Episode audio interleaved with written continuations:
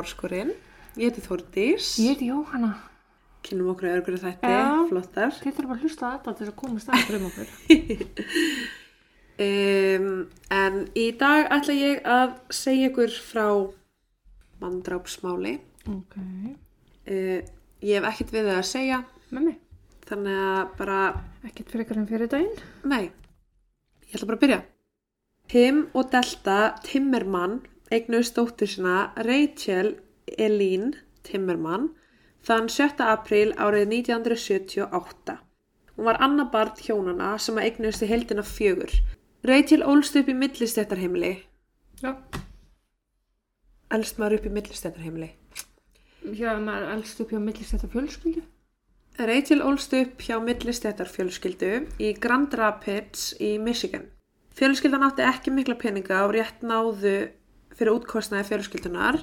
Þau voru mjög hagsín og meðal annars ræktuðu sér degi græmmiti, alla ávegsti, útbyggu sultur, versluðu flest allt bara á bílskúrsölum. Mm. Rachel, það kom að æla með þessu. Úi, það er blíða á þessunni. Ok. Rachel átti ekki beint daginn að sæla, svip á ég, akkur núna, þegar hún var yngri, en þegar hún var fimm ára gömul var hún áriðt kynferðislega af barnapínu sinni. Hún sagði fólkið sinni frá því sem að til, tilkynntu til lauruglu. Kæran fór aldrei í gegn og það var ekkert gert í málinu af hálfu lauruglunar. Bara það voru enga sannir, það var ekkert að frétta, þú veist þetta var bara svona æ, góðu besta. Æ. Eh, Þetta var þó ekki eina áfallið sem að dundi við fjölskylduna heldur lést yngsta sýsternar Rebecca úr vöggudiða. Í kjölfæra þessu fluttuðu þau burt og komu sér fyrir í útkvarfum Grand Rapids. Tim og Delta eignust fymta barn sitt í júni árið 1986 sem að fættist fölluð. Hmm. Sumarið 1988 var Rachel 10 ára gömul. Það ákveð Tim og Delta að skilja leiðir. Krakkarnir fluttu öll með móður sinni en hún átti erfitt með að halda ein uppi heilri fjölskyldu og í kjölfari tók fæðurina við. Hún var mjög veik og tók það langan tíma fyrir hann að koma sér aftur á fætur. En þegar það gerðist stóðu hún og Tim í forræðistelum.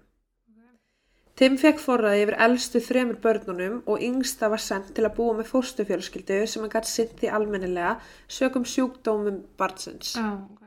En sérst, þegar hann var 19 ára gammal þá lést hann. Uh, Fadirinn að byrja að deyta konu sem að hétt Lynn sem að endaði að giftast og urðu þær bara hún og Rachel mjög góða vinkonur. Mm. Í mentaskóla fekk hún jákvæmt ólötu próf eftir að hafa svo deyta einn náunga í nokkur mánuði. Dóttirinnar Shannon Dale Verhag fættist 15. Júri, júni árið 96 en Rachel vildi ekki giftast badföðu sínum þrátt fyrir að hann væri mjög góðu náungi en það var hún bara ekkert viss hvort hann væri ástfangin á honum. Æ. Þannig að hún var hann einstað móðir. 7. ágúst árið 96 fór Rachel út að skemmta sér á meðan sýsternar passaði Shannon. Hún átti í vinasambandi við fatlaðan Hermann að nafni Wayne Davis en hann hafði slísast í vinnunni sinni. Hann átti enga peninga og var með áfallastreituröskun en var með hjarta úr gulli og Rachel bara dyrkaðan. Það kvöld fór hún heim til hans að spila en þar voru Eru allir úrlingur á vespum í dag samt að? Nei, það eru allir úlengar á vespu fyrir utan heimil mitt Já. akkurat núna í dag.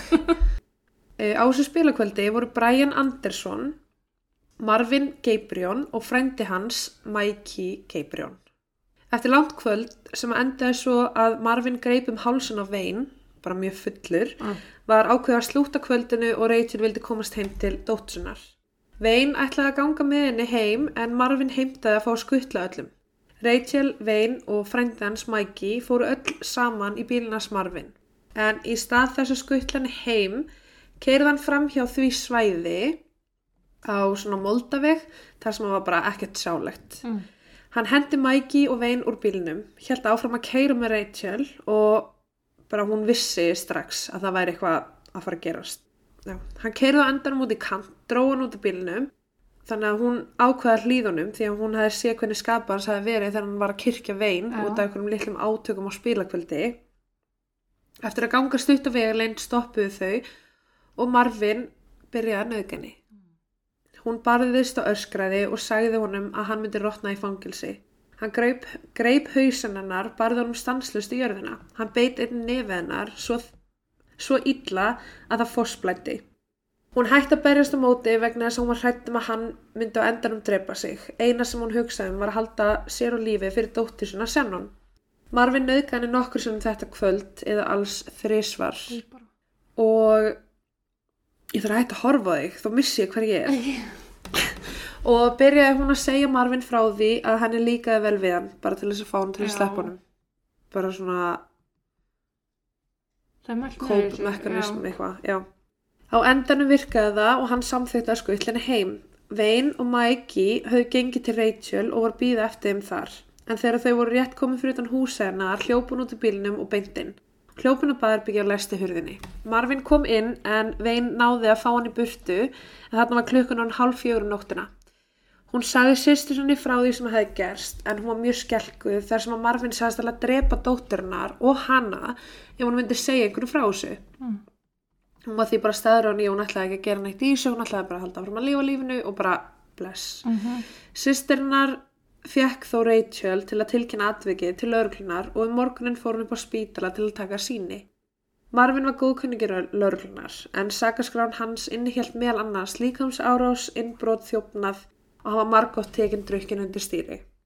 Þegar lauruglan leitaði af honum til að handtaka hann fyrir naukununa fundi þau hann hvergi og lauruglan skildi eftir skilabóð til fólks til að dreifa orðinu um að þeir væri að leita á honum en það vissur hversu mikill narsisti Marvin var og þar með vissu að hann myndi koma fram fyrir eða síðar. Mm.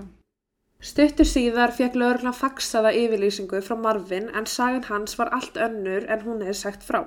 Hann sagði að þau fóru öll saman úr, á bílnum hans Marvin eftir spilakvöldi. Rachel bauðst bara allt í einu til að totta hann. Já. Svo hann hleyfti strákunum úr bílnum og þáði það að sjálfsögðu. Þau keirðu aðeins lengra þar til hann stoppaði bílinn. Hún byrjaði og endanum tróð hún sæðinu hans inn í sig vegna þess að hún hafi beðið hann um að sofa hjá sér en hann neitaði henni. En hann vildi sérst meina henni hafi langað í annað bann. Ok, þannig að þau hafa átt að vera rúndinum og upp úr þurru, hei Marvin og ég totta þig. Já. En hún beðið hann sérst um að sofa hjá sér, hann vildi það ekki. Já, já. Þannig að hún sérst gleifti sæðið. Ég ekki sér að segja þetta, ég er að hætta. Ok, þið skiljið hvað ég meina. Bíllinn, hann sagði síðan frá því að bíllinn hans hafi fest þegar þau voru að fara svo Rachel fór út að íta bílnum í gang en við það hafa hann runnið og skallað hérna sagt, skottið. Já, og beit svo sjálf sig nefið. Já. Já. Þegar þau koma aftur heim til hennar, til hennar áttaði, hún á, áttaði hún sig á því að það blætti úr henni, var mjög pyrruð og ákvaði að kenna honum um þetta. Lörglan vissi frá fyrstu sekundu, eins og við öll, að þetta var þvæla. Þau kærðan fyrir nauðgun en það voru mánuðir þar til þeir myndi finna hann. Á þeim tíma fór Rachel sjálf í fangilsi en einhver hafi gefið henni Mariana þegar hún var ólétt og hún sérst ákvaði að reykja það ekki. Mm. Hún vildi fremur geima það þar til hún væri búin að eiga barnið. Hún hefði betur sérst-. Já, hún hefði sérst átt við mikil fíknefn og vand að stríða áður en hún ok, átti barnið. Lögreglan tók hana og gerði samning við hana svo bara hún fekk svona skilorð bara að þú, eða gerist eitthvað hann þryggja ára Já, þá ertu farin í já. Og meðan hún var á reynslu, reynslu laust var einhver sem að hringdi lögregluna og sagði að hún væri reglulega með parti heima á sér sem að innhjalt áfengi.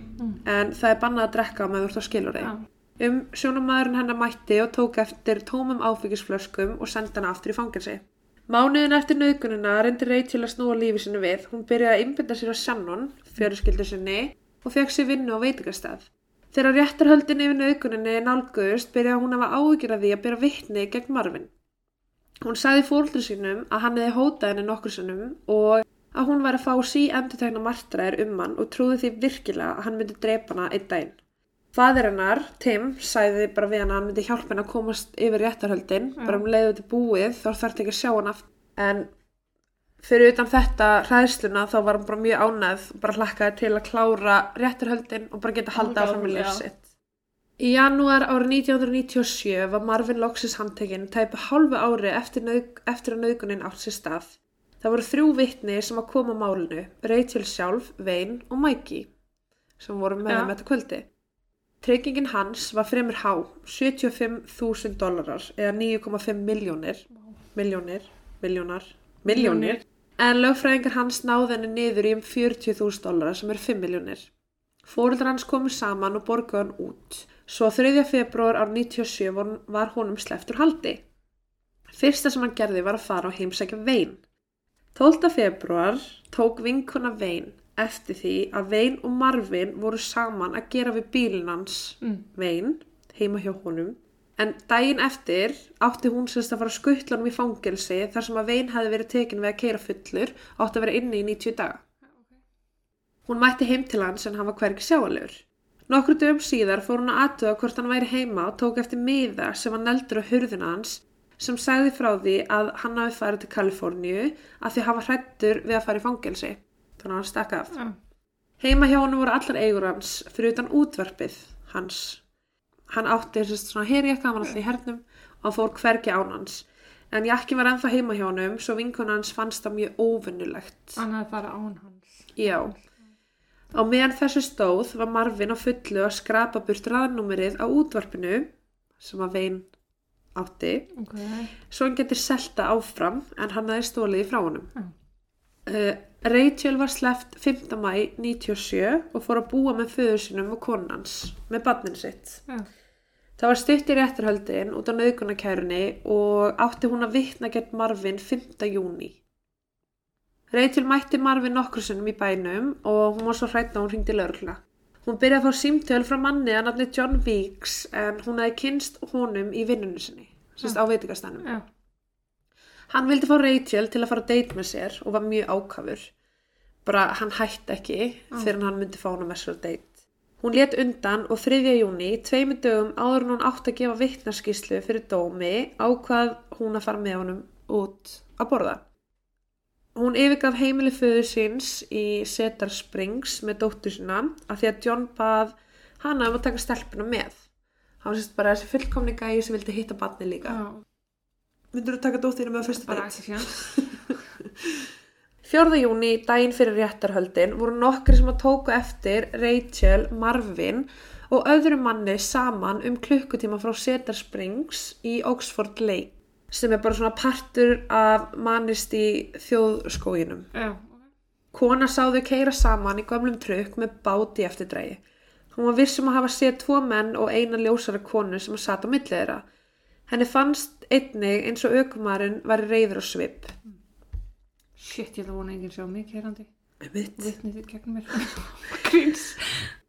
Vitnin Pearl og Bob Hall sáu sama bíl þegar þau kerði áttina að Oxford Lake. Þau myndu sérstaklega eftir þessu atviki því þegar þau mætti þeim þurfti Bob að sviga út í kamp til að trukkurinn og báturinn myndu komast fram hjá þeim. Annað vitni sá Marvin keira bílinn með bátinn og tók eftir því að ljósara konan var Rachel. Það voru því mörg vitni sem að sáðu saman þennan dag. 7. júni klukkan 3.30 vöknuðu nágrana Marvins þegar þau heyrðu hávar hljóð eins og verið væri að vinna með játn. Þau kíktu út um gluggan og sáu Marvin vera að færa bátinn sinn af bílnum en hann hafði tekið númeraplötun af. Hann fyllti bílinn af björgunavesti, múrsteinum, keðjum og festi bátinn sinn við trykkin. Hmm. Nokkru dögum síðar fóru Marvin og John. Ég er að muna hvað máld er. Já. Ói, bara, ok. Nokkru dögum síðar fóru, sko mig brá, ég var bara, hvað er að gera Ég er bara svo spennt að hérna mál að, já, ok, sorry. Nokkru dögum síðar fóru Marvin og John að vatninu, sérst þessu Oxford Lake, og spurðu hvort þeir mætti geima bátinn á svæðinu hjá sérst, eh, eftirlitsmanninum, Já, þar sem að báturinn passa ekki nálagt því þar sem að þeir höfðu tjaldað. já. Umsjónamaður svæðisins ákvaða að leifa það, en tók eftir að Marvin var mjög vandralegur og sagði mjög lítið. Ok, Marvin var með skallabletti, klóri andlitinu og með glóðröga. Það var heitt úti en hann var í hönskum, Mm. sem að þótti mjög einkennilegt. Hann stoppaði setna á svæðinu þar sem að þeir höfðu tjaldað til að leita af eldi við og tók eftir því að það var fyllt af plássi til að geima bátinn. En já, þarna var sérst komin, komið að rétturhöldunum og engin Rachel sjáanleg. Mhm. Eftir að hann hvarf sagði John Weeks að hann var að fara til Texas með Marvin að kaupa eitulif. Hann sagði, sérst við kæristunum sína, hann sagði að hann kemur tilbaka eftir einu hálfa viku. Það var núna liðin nok liðnar nokkra vikur síðar og John var ekki komin tilbaka. Kærastan var því mjög áhyggjufull og ákvaði að heyra í Marvin til að aðtöfa með John. Hann sagðist hafa skuttlað honum til Arizona með einhverjum vinum hans. Lýst var eftir honum 22. júni. Nokkru dögum eftir að Rachel síð, sást síðast fengu vinir hennar, fjölskylda og dómarinn sem sá um naukunamálið. Hann skrifa bref sendt frá henni en búið var að lýsa eftir henni, bara engi vissi hvar hún var. En í þessu brefi sagði hún frá því að hún hafi hitt mann drauma sinna sem hún ætlaði að giftast. Hún sagði að þær mæðgur væru í Little Rock, Arkansas með Delbert Delbert, já. hjá, og hún ætlaði bara að búa þar með honum. Tim var gáttaður því honum fannst þessu maðurinn sem hún fór á date með hafi heitið John Já. og hann leik að fá Delbert. Mm. Í brefinu sem sendt var á dómaran bað Rachel um að kæran yrði feld niður en það haf, en það hafi hún hafið nýtt líf og vildi ekki spá í fortíðinni. Hún viðkendi að hún hafi búið þetta allt saman til og vildi bara gleyma þessu. Marvin neitaði henni og hún vildi kenna honum leksju. Hún setti sæðið inn í sig og það var hárrétt að hún hafi meitt sig á bílnum. Bitfæra á nefinu hennar var eftir hund en ekki Marvin. Hún sagðist vera með manni sem var kristintrúar og hann, hún gati ekki leift saklusum manni að fara í fangelsi vegna gjörða sinna. Kæran var því feld niður. Já. Gupp. 5. júli, mánuð eftir að hún fór og hóf nýtt líf með nýju manni, voru tveir menn að reyna að losa báti sinn úr svona leðju í Oxford Lake og sáu eitthvað fljótandi í vatninu um 90 metra frá sér. Þegar þeir loks náðu að losa bátinn ákveðu þeir aðtöða hvað þetta væri, en þetta leit út eins og gína í fljótubræði. Þegar þeir komu nær tóku þeir eftir því að um mannslíkam að vera ræða. Manneskjan var fljótandi á bakinu með múrsteina, bundna í keðju og svona áfæstu mittið en þá klætti öll född. Lörgla var köllu til og það tók þó ekki langan tíma að átta sig á því að, að líkið væri af Rachel Timmerman. Búið var að teipa fyrir augunum munin á henni og voru hendur hennar handjárnar fyrir aftan bak. Járnkeðjan um mittið var síðan först við einn fót og við múrsteina sem að gerðu það að verkum að hún helst ekki lengi á floti og náði því ekki andanum. Við krupningu kom í ljós að hún hefði verið lifandi þegar hún var sett í vatnið, en það var vatn í lungunum hennar. Oh, ég fæ sko innilókan að kemta Ég fæ líka, þetta. veist það, uh. Gas sem myndaðist í líkamannum hennar eftir andlatið gerða verkum að hún flög til yfirborsins. Múrsteinarnir voru grannlega ekki það margir til að haldina niðri. Mm. Uh, hún fannst nálægt engalóð en nánar tiltekið fannst hún 70 metra inn að vatninu sjálfu á ríkiseign Ok, og til að útskera ríkiseign. já. þá er það til dæmis eins og þingvellir, snæfers, Já, já. jökull en í bandaríkjunum eru flestar árvött, svæði, skóar og slíkt ríkiseign. Já. Michigan er sem sagt ekki með dauðaröfsingu og málið svo þetta eru líklegast tekið upp í það er federal Já. court og svo er state court. Mm. State court er Michigan, Mhm. það er ekki dauðaröfsing. Federal court er ríkiseign og Já. þar er allt mátt, þú veist, allt leifilegt. Bara önnur lög. Já, Já. allt önnur lög. Þannig að þú veist munurinn er að þú finnst til dæmis inn í þjóðaskói sem er ríkiseign Þá er það ríkisklæpur. Já, þó þú, þó þú sért kannski inn í Michigan Uh þá er allt önnur lög sem að gilda þar. Sæl. Já. Það er magna. Ég þurfti sérst að útskýra það eins af því að þetta mun komið ljósið En jarðaförin hennar var haldin í Cedar Springs þann 17. júli. Tim og Lynn fengur sendar samúkvæðir frá samfengum hennar jafnvel þó hún hafi ekki verið lengi í fangelsi. Bara öllum þótti Já, væntum já, hana. já. Tim talaði við eitt fanga sem var góð vinkon hennar en hún sagði honum frá naukunarkærunni og var vissum að Rachel hafi ekki skrifað þessi bref til ákjöruvaldsins til að vísa kærunni frá. Lögreglan byrjaði að leita Marvin og í kjölfari fylgdi leitarheimil til að granslast fyrir heima hjá honum en þar fundust liklar sem að pössu yfir lásin á keðjunni sem að var áfastur um mitti á Rachel. Lögregla fann einni múrsteina sem að höfðu sömu málingu og pössu hvað var það stærð og áferð. Þeir letu frænda hans, Mikey, Já. vísa veginn að tjálstæðinu sem að þeir höfðu verið á með bátinn en tjaldið hans Marvin var ennþá þar eins og hann hafði bara farið bara í flýti. Skildi tjaldið, sitt eftir. Á svæðinu fundir hárspennu, spjennu, á svæðinu fundir hárspennu, keðju, keðjulás og sílikonstút af barnapilla. Hvað er batni? Mundu að barni fór með hann á deytið. Oh my god. Nágrann hans voru einni yfirheyrðir og sögðu þeir lögreglu frá John Weeks en John Weeks var svona vinnumæðurinn hans Marvin vann í garðinum, þú veist, Já. var að laga til heima. En þeir, sérst nágrannir höfðu ekki séðan í langan tíma. Rannsóknir aðilar höfðu samband við kæristun hans og síndi henni mynda Marvin sem að hún þekkti sem Lance. Lance. Lens. Hún sagði að hann hafi farið með John, þessi Lance, Já. og hún hafi ekki heyrt í honum í eitthvað tíma. Hún sagði einnig að hún hafi börstað hann að tala við einhverja konu síman sem að héti Rachel. Ok. Þegar hún spurði hann út í það, sagði hann að hann væri bara að gera greiða fyrir Lance sem að langaði svo að hitta hana. Mm. Marvin var ekki neinstæður að finna og FBI var komið inn í máli til að rannsaka hann vegna penings sem hann var að stela frá manni að nafni Robert Allen. Sérst FBI FBI sérst FBI er að rannsaka hann fyrir fyrir bara fjárdrátt Já. á meðan að ríkislauruglan er að rannsaka hann fyrir morð Já. og state lauruglan er að rannsaka hann fyrir nauðgun Já. Shit. Já og maður myndi halda þetta fólk talið saman en það er ekki alltaf þannig. En sérst, Robert var alkoholisti frá Grand Rapids og einni öryrki en hann hefði týnst ára 95 Marvin fekk aukurskirtinni í Indiana með nafninu hans í júli ára 95 og sama ár opnaði hann bankareikning í hans nafni. Hann var einni með postbox í New York og fekk öryrkubætur sendar þangað sem hann listi svo út í bankanum. Mm. Marvin var búinn að hafa af Robert 14.000 dollara þegar hann var handtekinn þann 14. oktober árið 1987 eftir að laurugla var búinn að fylgjast með postbóksinu í eitthvað tíma. Ég er alveg löngu áður en allt þetta er að gera. Já, hann er sérst bara hittin að mann, Já. stólið aukurskirtunum hans, hann, Mm. hann hvarf Mm og var síðan að stela örugubótunum. Já, hann fær bara svona að tjekka og þarf að fara með henni í bankan. Meðal eigna Marvins við handtökuna uh, var annað aukurskirtinni stílað á Ronald Listrevel frá Virginíu. Virginia. Mánuði áður hafði Ronald verið að fletta í gegnum frettablaði þegar hann sá auglýsingum starf sem hann vildi stökkva á. Hann var bóðar í viðtal í bílakjallara og sá sem að tók viðtalið spurðan alls konar persónulega spurninga. Ímist um fortíðans, fóreldra og fleira. Ekki fara í atvinnuviðtal. Í bílakjallara. bílakjallara. Please.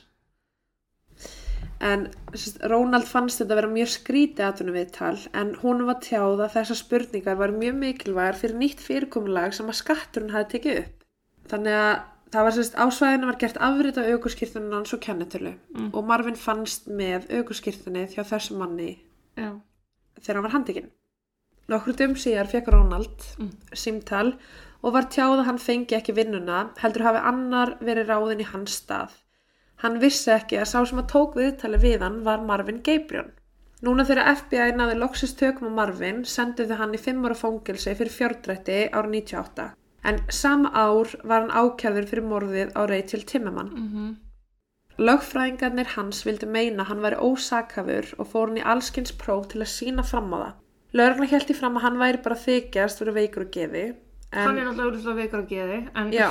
ekki svo að það sé ekki þetta ákjæran. nei, en einn lækni greindan sérst, bara sem félagsfælin og tók eftir að hann var mjög reyður, hann er stjórnsamur, Já. hann er mjög kvatvís og hann var eiginlega bara skilgrinning á Ég sósjópata var að fara að segja þetta. og var talin vera sakafur. Mm. En Marvin ólst upp við slæmar aðstæður heima fyrir. Fadir hans, Marvin Sr. og móður hans, Elaine, eignuður samtal sex börn og var hann fættur 18. oktober 1953. Krakkarnir bygguðu mikið óbeldi, fadir hans treysti ekki konunni sinni og efaðist um að hann var í fadir barnana. Hún þótti því ekki eins vænt um þau og ætla mætti. Það var til dæmis eitt skipti sem að fadir hans barði andlitin á honum ákallega við vegg heima hjá þeim þar til að eldri bróður hans kom og skipti sér af. Annars skipta óbyldi var þegar Marvin var farvegur heima en fadir hans neitaði að taka hann til læknis. Allt of dýrt, allt of dýrt. Oh. Það var ekki fyrir en hann fekk verulega háan hýta sem þeir loksis ákveða að taka hann til læknis, búin að vera að kvæljast heima fyrir nokkra daga. Hann var greindi með svo alvarlega lúnabólgu að læknir þurfti að fjarlæga ónýta vefi úr lungunum hans. Þegar hann var orðin 12 ára gamall var það oft sem að bræður hans heldur um niðri og reynda að berja hann með grjóti. En eitt bróðir skaut meðal annars og byssu í áttina á honum. Fjölskyldu var mjög fátæk og fluttu þau meðal annars eitt skipti í lítinn kofa þar sem að börnin, sex, deildu svefnherbyggi. Uh, en þegar það var ekki ganga fluttu þau út hverfi í bæ þar sem var bara drullag skítur ógeð bara sem að endur speikla heimilislífið Mm. þetta var bara umlar aðstæður fyrir barna að alast uppi þegar hann var yngri var hann líst sem mjög feimnum strák en þó gáðum það var bara eins og hann hafi ekki átt neitt sens hann spilaði körbólta, fótbolta og var með greindi vistölu 121 Hvað er normið? það veit ég ekki Nei, ok. Þegar hann byrjaði í mentaskóla byrjaði hins vegar alltaf að fara niður og við hjá honum. Hann hafði lent í nokkru mótjólusleysum ásamt bílsleysi þar sem hann skauðst út í framrúðuna. En eftir mentaskóla flutti hann meðal annars til Colorado, Arizona, Washington, var bara að reyna að finna sjálfa sig. Já, Og þegar hann kom baka til Michigan þá var hann bara orðinn allt annar maður, bara drakk mikið, óbelsfullur og bara hafði allt bara sín á lífinu heldur en hann átti að gera. já. Það var eitt skipti árið 92 þegar hann var á leiðinu með vinsinum í ríkið, sérst á bíl, þegar hann spurði vinsinn hvort hann væri með bíltryggingu. Þegar það var staðfest tók hann í stýrið og bindi bílnum út af veginum. Á þeim tímabúndi mittist enginn en Marvin stökk út úr bílnum og byrjaði að berja sjálfur sig við tré. Sjúkrabíl mætt á svæðið og Marvin var tekin í svona heilaskanna til að aðtöða varlega skaðið bílstisið. Hann kærði svo vinn sinn og sagði hann að fylgja planinu eftir því að á endanum myndi þeir splitta peningunum þegar þeir kæmu. En ári eftir þetta var hann sendur á svona meðferðaheimili við heilaskaðanum sem hann átti að var hlotið en í ljós kom að hann bara þjáðist af minnisleysi, skerðingu og aðtegli en út af háu stigi bara pyrringi og æsingi, mm. það var bara svona reyðu maður, það var þetta ekki beint aðilinn sem þau vildu hafa svæðinu í þessum rannsóknum. En lækna tóku eftir að hann reyndi að koma illa út úr rannsókninni því þeir myndi gefa honum meiri ávinning. Já.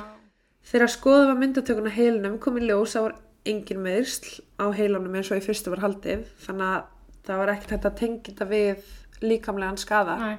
Þegar 96 kom hafði Marvin verið handtekinn nýju sinnum fyrir að keirundur áhrifum áfengis en árið 97 var hann framseldur til Michigan til að vera ákjörðu fyrir morðið á Rachel Timmerman.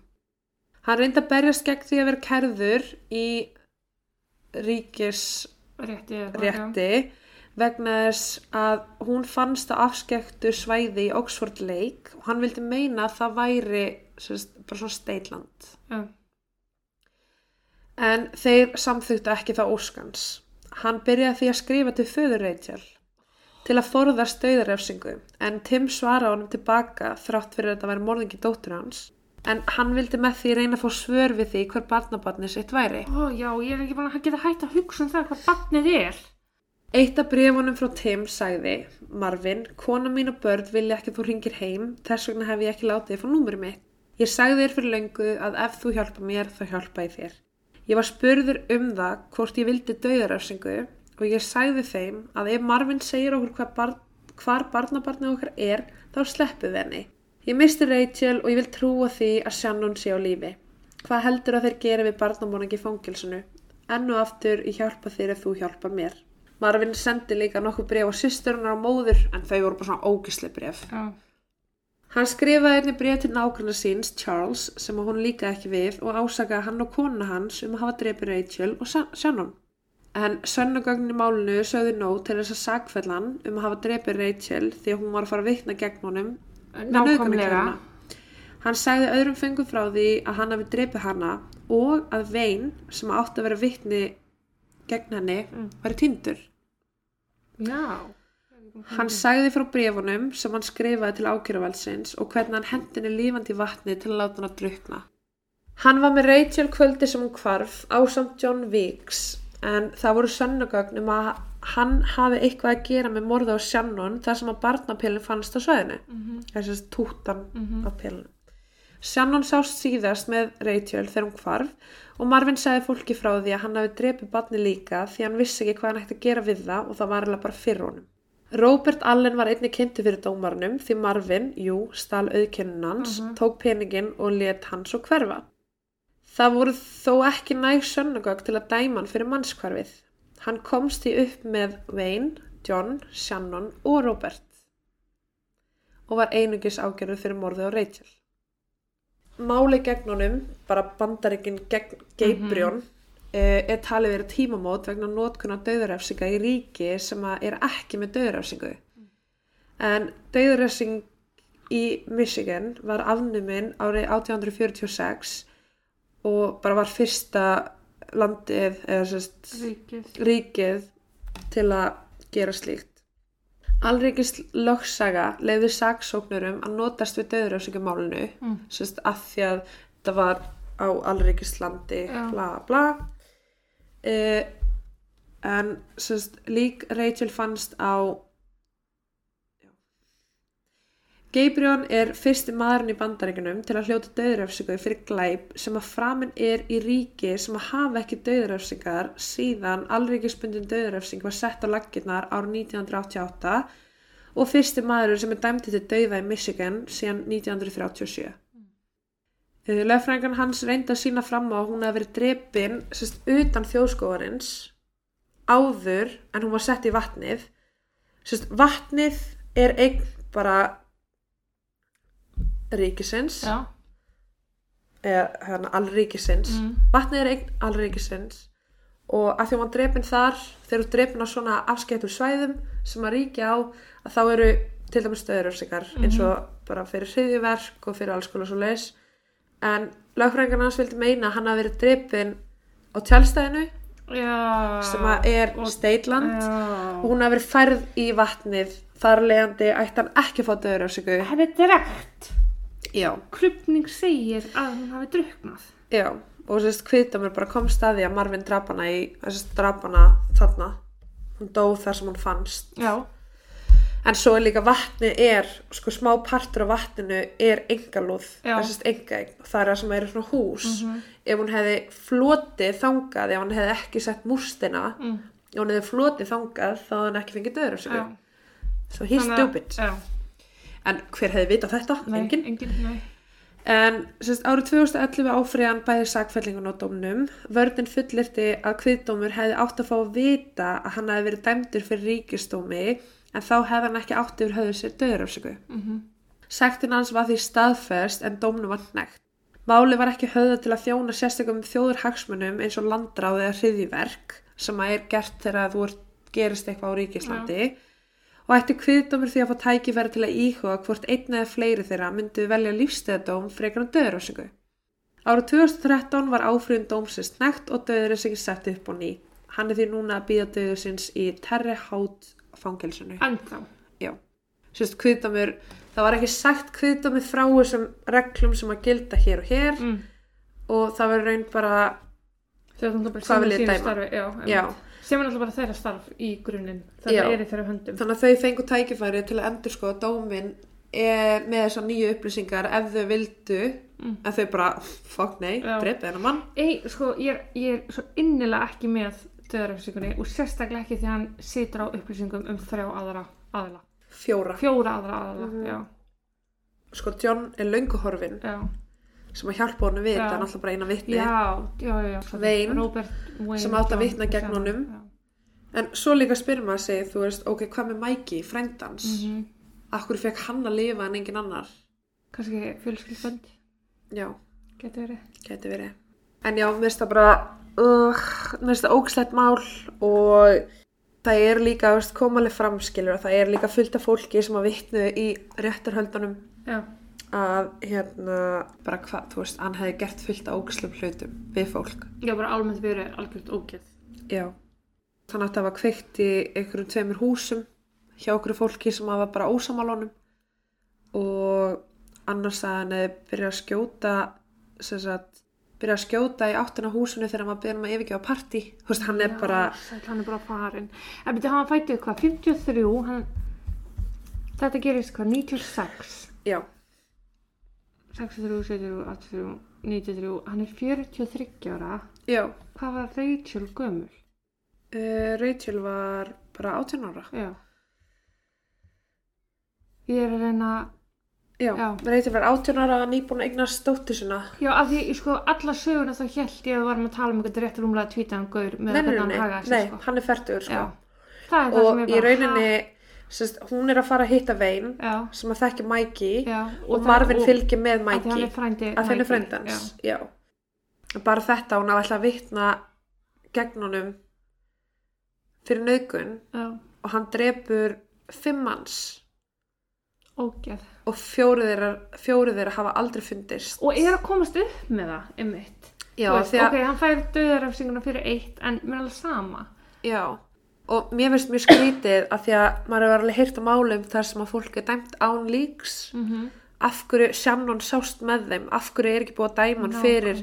En hann alltaf fekk döðurafsöku þannig að hann er búin að fá sína það, þú getur ekki dæmt hann fyrir neitt meira Nei, en samt þetta snýst um réttlæti þeirra fjögura sem að, já, af því að líka fjölskyldan heldur að Já. Shannon sé hann þó á lífi nákvæmlega. það þeir halda bara- að hann hafði bara dömpað hann á okkur fjölskyldu og haldið áfram en við vitum alltaf að það er ekki Ég er bara, því miður, já, stóri eða sem það að þessi stelpa sér á lífi, sko. já og, en já, eh, bara ég miður mínum mest að ógislegt svo var ég að lesa um daginn að það er eitthvað það er eitthvað eitt vatn í bandaríkjanum Mm. ég veit ekki hvort ég saði frá þessu sem að sem sagt, uh, það er eitthvað efni í þessu vatni Mm. og þar lendi myndast gas ekki í líkamannum What? fyrir líkin til að fljóta var ég ekki búin að segja frá þessu Nei. En ég hugsaði bara eitthvað, ég, þú veist þegar ég sá Eitthvað þetta sem hægir þá á ferlinu, á, rottnunarferlinu, niðurbrotsferlinu já, og sem að gera bara verkum að gas myndast ekki og lík fljóta ekki upp á yfirborð og þetta tali bara vera, þú veist, bara dauða vatnið, skilur við. Þú veist, bara, Marvin lestu Wikipedia að ætla að gera eitthvað svona, sko. Gefur hann það, þetta var 96. gefum hann það. En meira var það ekki þannig að ég segi bara takk og bless Takk og og við sjáumst Sjáumst ekki neitt og heyrumst. já, gerum það, bæjó